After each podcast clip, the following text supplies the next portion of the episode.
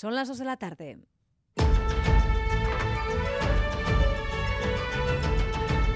Crónica de Euskadi con María Cereceda.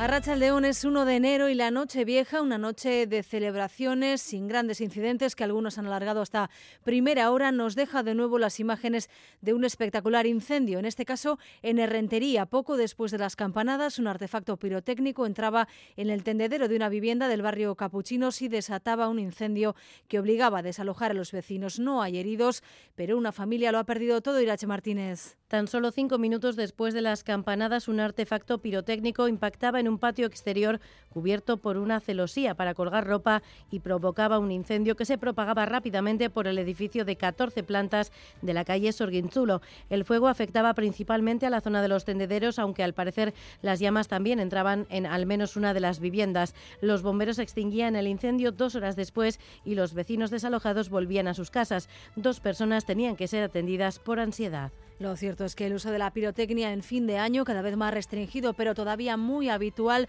ha dejado un reguero de pequeños incendios en terrazas, en balcones, en patios. Este es el mensaje tras lo ocurrido de la alcaldesa de Rentería de Aizpea Otaek en Euskadi Ratia. Eskualde honetan gainera atzo danak akordatu ginela, printzartzen duela marrurte bertatutakoarekin, eta bai, nik uste dute kontzientzia behar dugula, ez? Ba, denok dugu guztoko urte zar, gauez, urte berriari ongi etorri amateko, ba, suan ikustu dut oso elementu erakargarria dela, baina konstiente izan behar dugu dituen arriskuek, eta nik uste dut erabilera ekidin beharko genukela.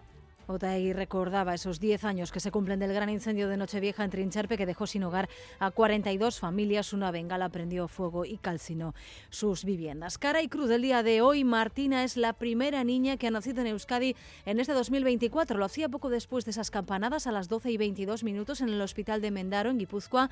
Un parto muy rápido, nos decían. En Vizcaya, Noa llegaba una hora después, a la 1 y 20 de la madrugada, tras pasar su ama todo el día en el hospital. Lo compartían con nosotros sus familias. Paiaz entzudunten gebizela e, preparatzen hasi eta hoi minutuan ja e, jaiota zegoen hasi, ezin nahi, e, ezin nahi kejau. Desde las 6 de la mañana hasta que ha nacido, ha nacido a la, a la 1 y 20.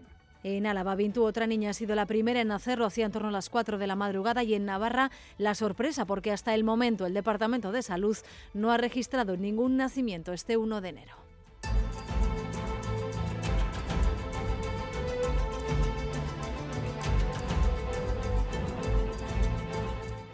Las últimas horas de 2023 nos dejaban también el mensaje de Año Nuevo del Lendakari, el último de Íñigo Urcullo en el cargo, aún sin fecha para las elecciones.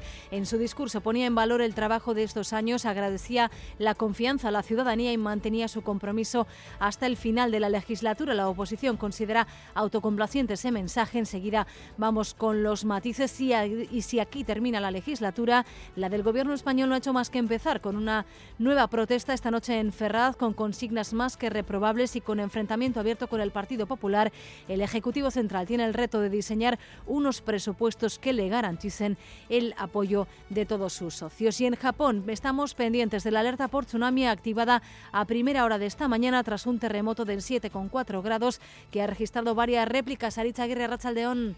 A Rachaldeón, el gobierno de Japón ya ha confirmado la llegada de pequeños tsunamis en la costa oeste y ha activado su gabinete de crisis en una alerta que es la más importante desde los terremotos del año 2011. Se produce por ese fuerte terremoto de magnitud 7,5 en escala Richter en la isla de Honshu, que está frente a la costa oeste de Japón y que ha obligado a evacuar algunas zonas costeras, una alerta que también puede tener su efecto en Rusia del Este y Corea del Sur. Quedamos muy pendientes. Aquí estrenamos el año con tiempo estable, sin lluvia. Vamos con la previsión para las próximas horas. Euskalmet, Nayara Barredo, Arrachaldeón. Arrachaldeón, por la tarde seguiremos sin muchos cambios, con ambiente luminoso, aunque poco a poco irá aumentando la nubosidad. El viento soplará del sur e irá ganando fuerza de cara a la noche. Y ese viento del sur será precisamente uno de los protagonistas durante la jornada de mañana. Soplará con intensidad y provocará un ascenso de las temperaturas, tanto de las mínimas como de las máximas que superarán los 15 grados en la mitad norte.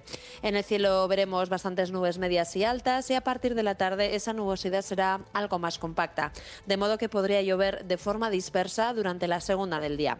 Así pues, el martes vendrá marcado por el viento del sur y una subida de las temperaturas con posibilidad de algo de lluvia por la tarde o por la noche. Mencionaba Nayara Barredo ese viento del sur. La Dirección de Atención de Emergencias del Gobierno Vasco ha informado ya de que va a activar mañana un aviso amarillo por fuertes rachas de viento entre las 6 de la mañana y las 6 de la tarde. Gracias por elegir un día más Radio Euskadi y Radio Vitoria para informarse. Maitane Bujedo y Asiera Aparicio están en la técnica. Una y cinco minutos de la tarde comenzamos.